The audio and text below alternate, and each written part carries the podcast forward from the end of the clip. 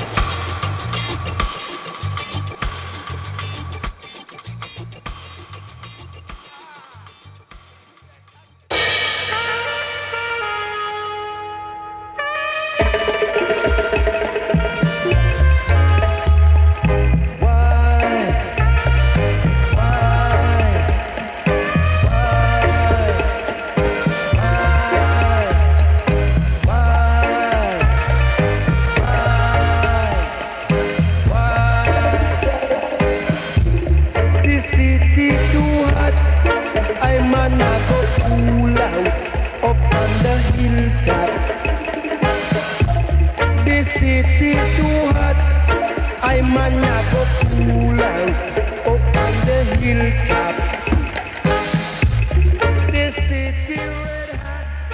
Kaixo entzule, kaixo reggae zale, reggae fever entzuten ari zara. Jakintzazu rengo ordu betean termometroek gora egingo dutela. Jakintzazu bozgorailuak berotzen hasiko direla. Jakintzazu rege sukarra zure gorputzean sartuko dela.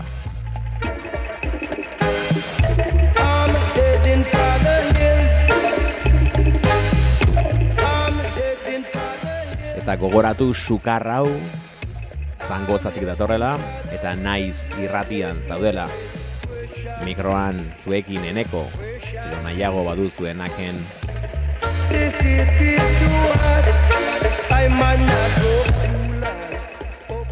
termometroak gora, boz gora iluko, beroa gora.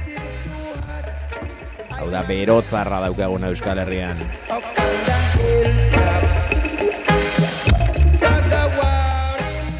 Zangotzan, beroak akabatzen ari gara, berroi gradutan gaude.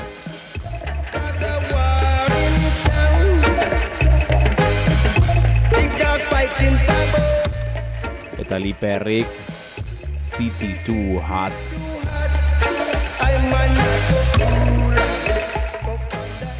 Bero egi. Noiz iritsiko ote da bendua.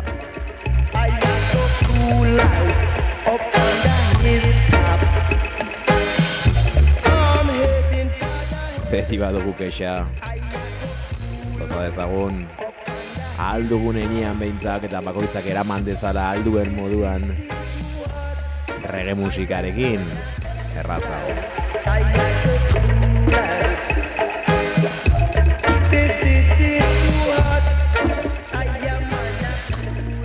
Eta hemen asteko klasikoa, baina asteko klasikoa ez da gaurkoan aste honetan liper izango.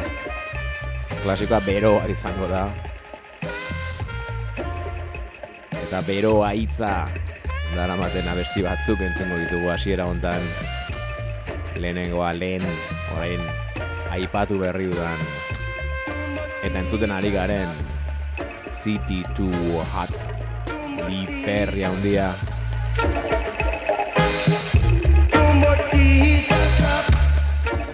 Baino, ez dakit zuei, baina niri tu hat entzuten dudanean, abesti bat eta bi talde etortzen zaizkit burura. The Specials, Too Hot, baina originala entzutera goaz. Prince Buster handia. Aimanako.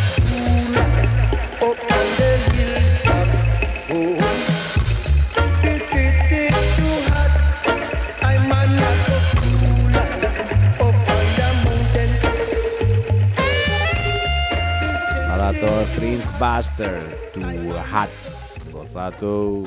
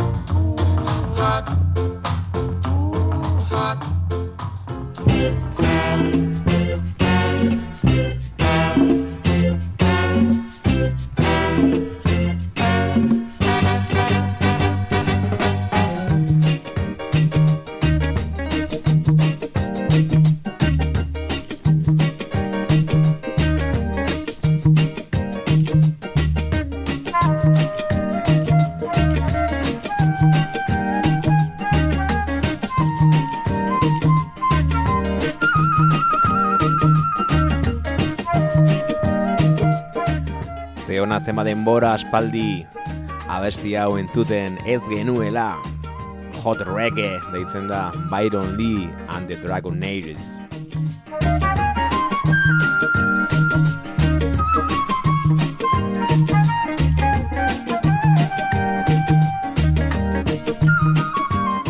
Mila behatzireun deirurogeita amabi garren urtean argitaratu izan zen abesti hau Byron Lee and the Dragon Aires taldearen Reggae Hot Cool and Easy LP-an.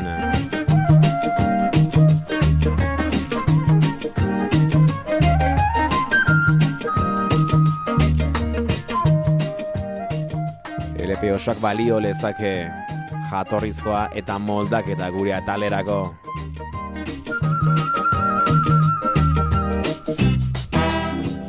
Abeste originala, Hot Reggae, honen originala James Brownek idatzi zuen.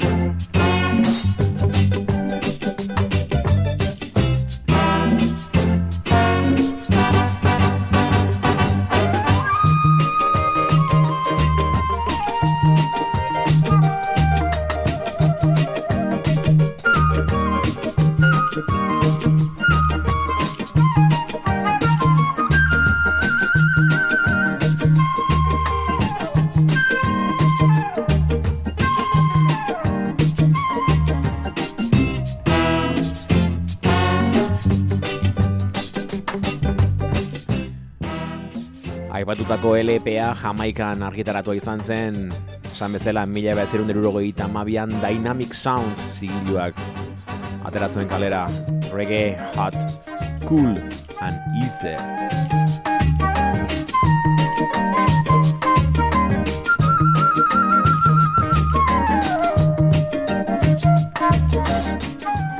Beno eta rege sukarra, rege temperatura gora doa, nahikoa goran, ba genuen ere.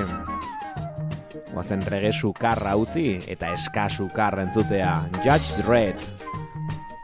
Berak lagunduko digu urrengo abestiarekin lotzen Judge Dredd eska fiba gozatu.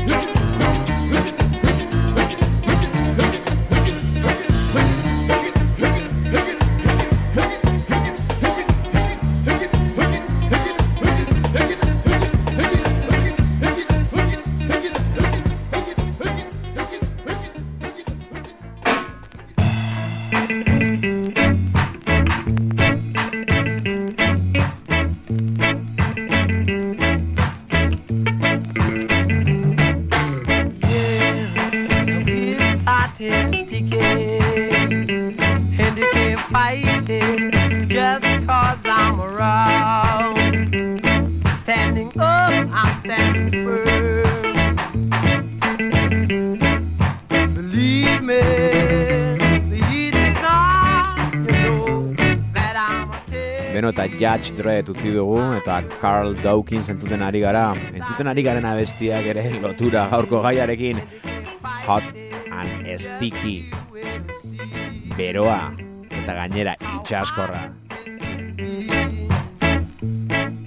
Eta nola lotzen ditugu Judge Dredd eta Carl Dawkins. Horatzen baduzue, Judge Dreddek Harlem Shuffle Recordsekin bi single atera berriak ditu. Edo beto esan da, Harlem Shuffleekoek Judge Dredden bi single atera berri dituzte. Hemen orkestu genituenak. Eta Harlem Shuffle Recordsekoak geratu gabe dabiltza. Ez dakit negozio ikusi duten zeren. Ateratzen duten guztia tita batean saltzen da. Baina beste bi single berri argitaratu dituzte. Eta horietako bat, ba bai, Carl Dawkinsena. Eta behaldean, entzuten ari garen Hot and Sticky.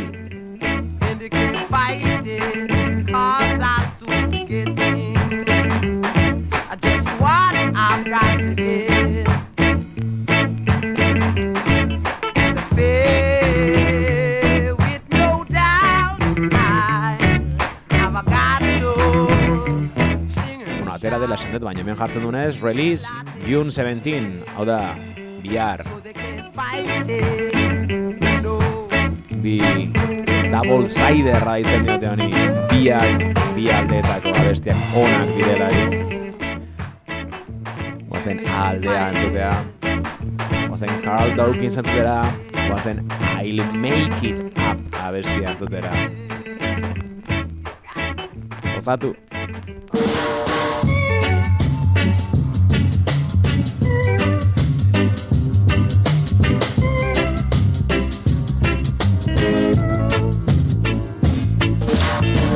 It up and I'll make it up. Go break it up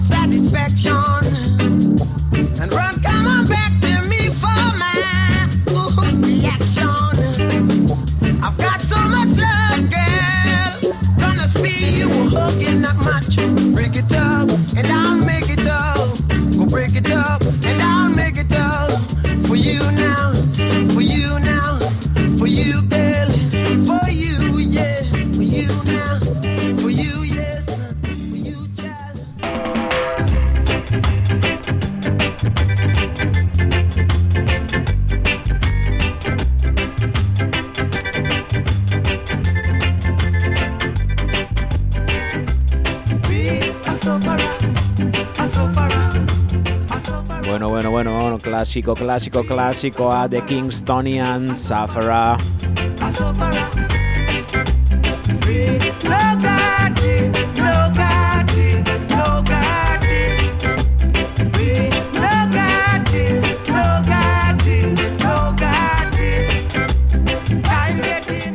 Eta bai, hau ere Harlem Shuffle Recordsen single berria izango da. Den esan dugun bezala, ekainaren amazazpian bihar argitaratuko dena, nahiz da orain arte, aurre salmenta irekita zegoen. Kasu hontan eta single honek ez ditu Kingstonianen abestiak soilik izango. Aldea eta garrantzitsuena honekin bete dute, baina guk be aldeari emango diogu gaur garrantzi gehiago. The Crystallites agertzen dira bigarren aldean, B aldean Splash Down abestiarekin.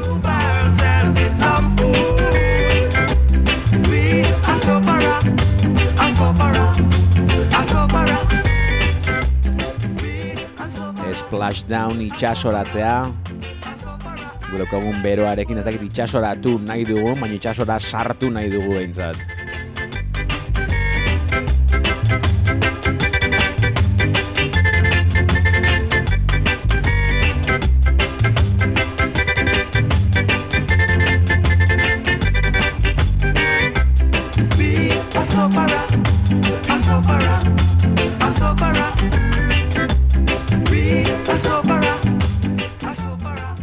Beraz bi abesti lotu dituzte.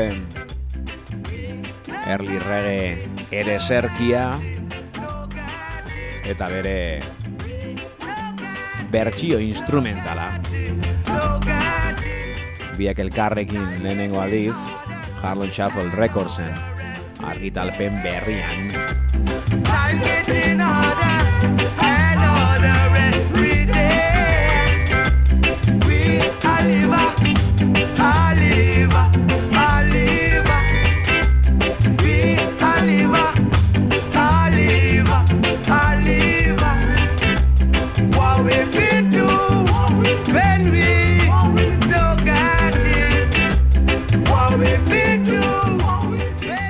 eta Safer eronen bertsio instrumentala lehen esan dugun bezala The Crystallites taldeak egiten du eta Splash Down izen eman zioten bertsio instrumental honi eta orain bertan sartuko zaigu gure Kingstonian zauek joaten zaizkigunean.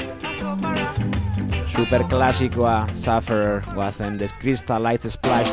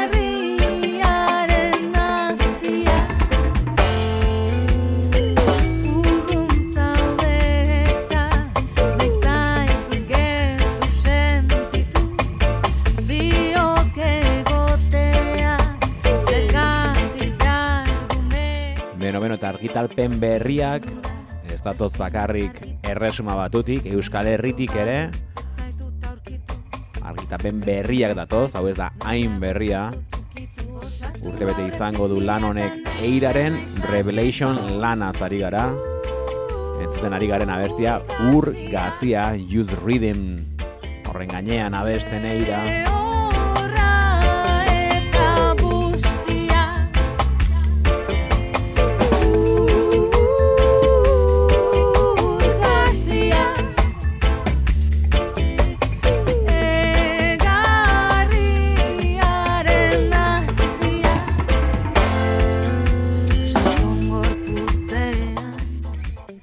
berria ez dugula esan dugu, bedo berria ez dela esan dugu, baina kasi urte hontakoa dela esan dezakegu. Aurreko urteko amaieran argitaratu izan bai zen, eiraren Revelation, lana berria dena, lan honen lehen abestiarekin, eire izenarekin argitaratutako abestiarekin, argitaratu duten bideoklipa hori bai berri berria.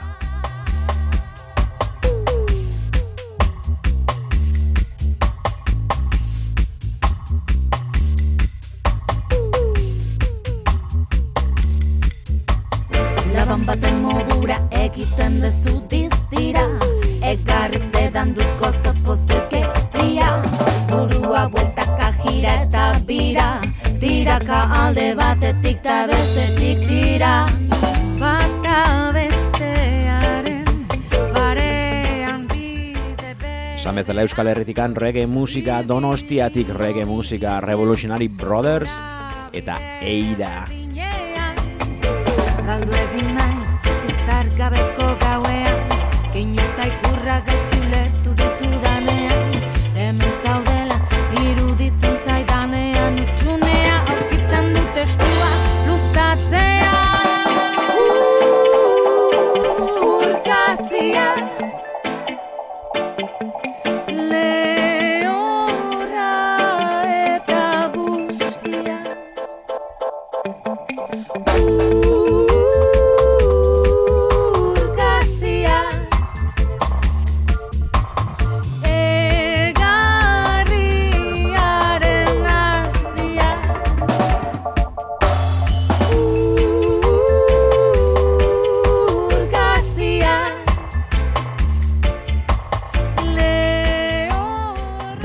bideoklipa aurkezten gatoz, baina bideoklipa aurkezteko modurik egokiena, edo ikusteko modurik egokiena, badakizute zein den, beraz hortxe duzue, bilatu eira sare sozialetan, eta hortxe topatuko duzue bere lana, eta bere bideoklip berria. Guk ezin dugunez ikusi, entzuteragoaz. Eira, gozatu. Is the story of Ada, the goddess. The one who makes you feel your inner power. Far away, far away, see the light and the shadow. There's a strange silhouette with a bow and an arrow. Far away, it's coming slow, floating low through the It's not touching the ground, but makes a sound sweet and mellow. You think it's coming, coming, but it has arrived. Burning, burning, a flame and woman turns around. Just jazzing, jazzing the music coming from her mouth.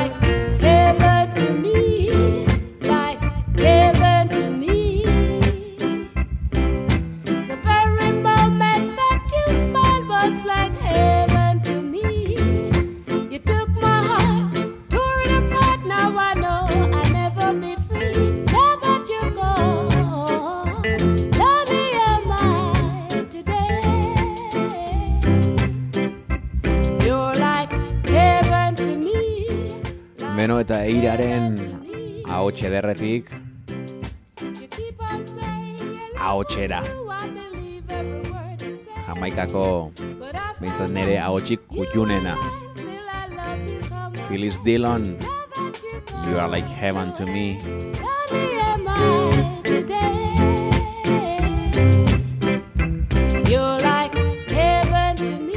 Eta gaur Phyllis Dillon entzuteko irrikita zaudenez,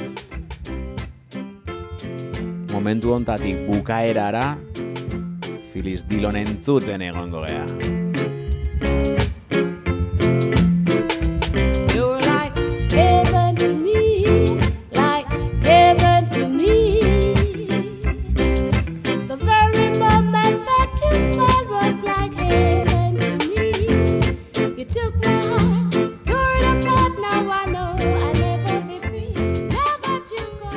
zergatik, ba gero esango dugu zergatia lehenago, goazen abestitxo bat lasai, lasai entzutera, goazen bere ahots ez diontaz gozatzera, goazen Phyllis Dillonetaz gozatzera, Living in Love entzutera goaz bere abesti ezagunenetariko bat gozatu. Gozatu.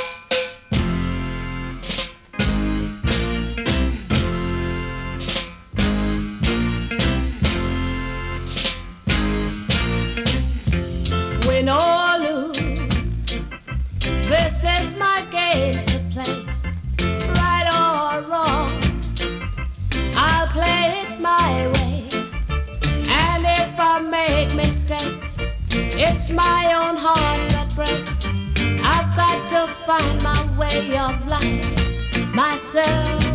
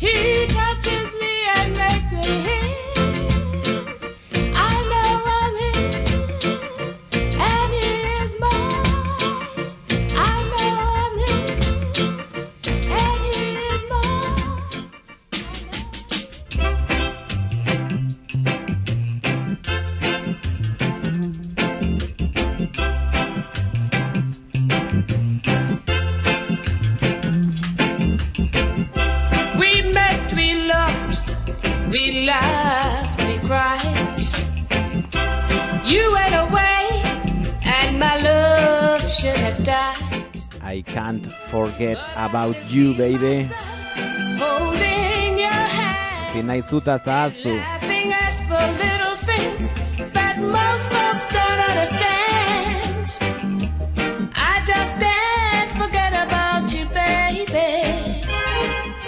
Beno eta zergatik daukagu Phyllis Dillon gurekin gogoratzen duzue Ska Mag aldizkaria, Ska Magazina, Foundation Style Magazina.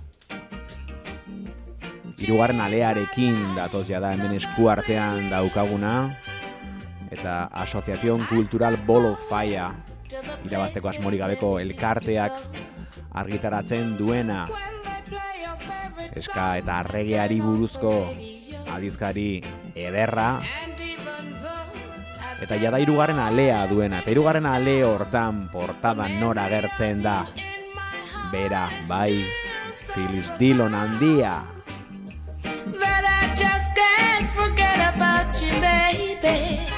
nola aztuko gara berataz horrelako portada batekin.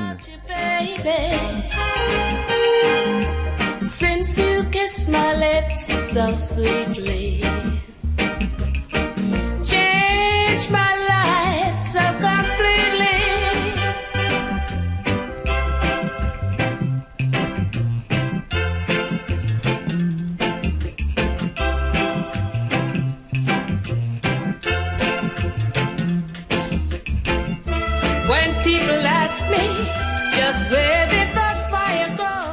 Beno, eta nortu daude magazin aldizkari honen atzean. Editorea Rudy King dugu Manu del Conte Txobin erredaktoreak Roberto Sánchez Laia Buira, Daniel Flores Papo Airi eta Javier Martín Boix.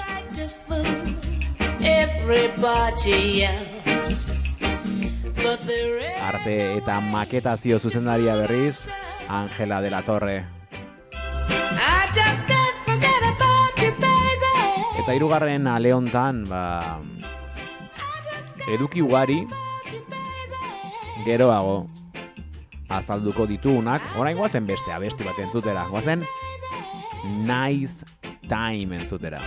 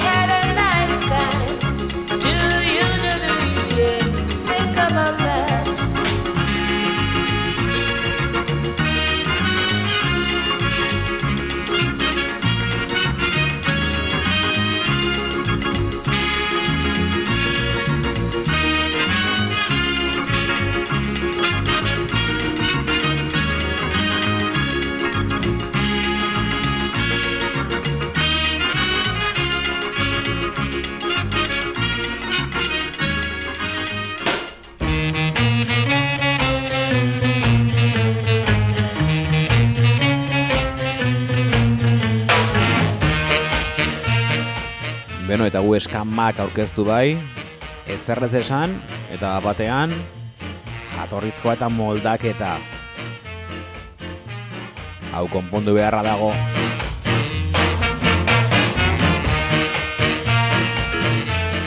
Eskama galdizkari hontan ze topatuko dugu, hirugarren ale hontan. Azteko Judy Mowati buruzko erreportaitxo bat topatuko duzue. Aitriz gogoratzen, Marcia Griffiths, Rita Marley, Judy Mowat, hirugarrena. La gran desconocida eman diote izena artikuluari. Ez ditugu eduki guztiak azalduko, baina besteak beste. Reda, Skanking and Shaking Valentiako kolektiboari elkarrizketa Filistiloni buruzko beste erreportaia The Blues Busters ere tartean egongo dira Rege errezetak ere bai. Aprobetxatu, erosi. Erosi arribitxi hau. Kontakto, abildua, eskamak.com elbidean. Jarri sare sozialetan eska mak G zamaitua eta espabilatu berandu izan baino lehen.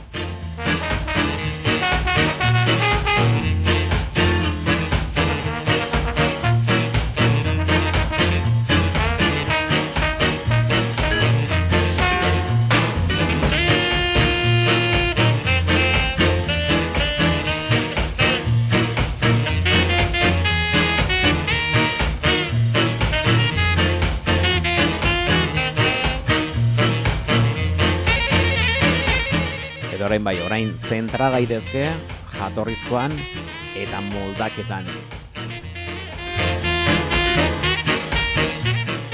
Eta gaurkoan ez gara asteko klasikora joango moldaketarako, baizik eta Phyllis Dillon hartuko dugu hortarako.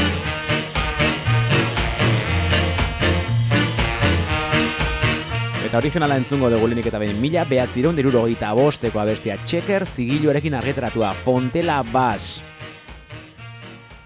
Artista, Leave It in the Hands of Love, abestiaren izena. Gozatu!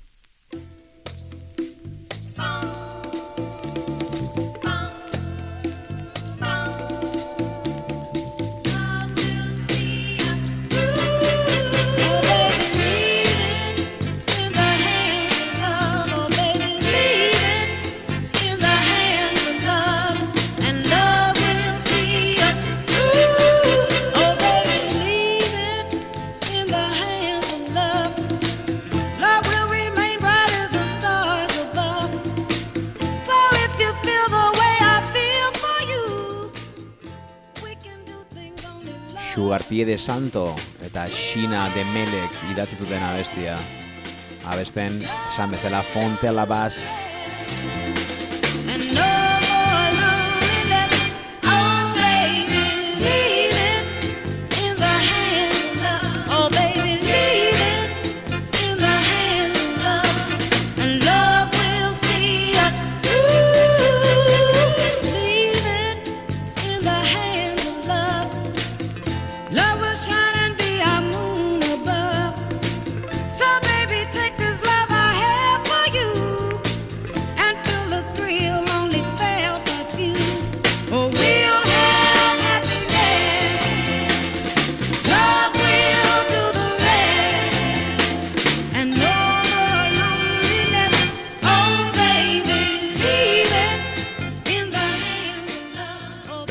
Oh, eta Fontela Bass, gogoratzen? Gogoratzen duzue Rescue Me abestia? Bera da bezlaria.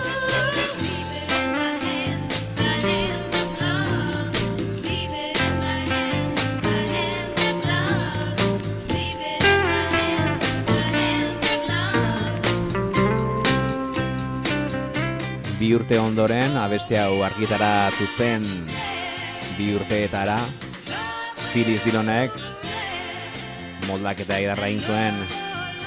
Duke Raiden zako egin zuen mila batxeron diruro gehieta zazpian esan bezala.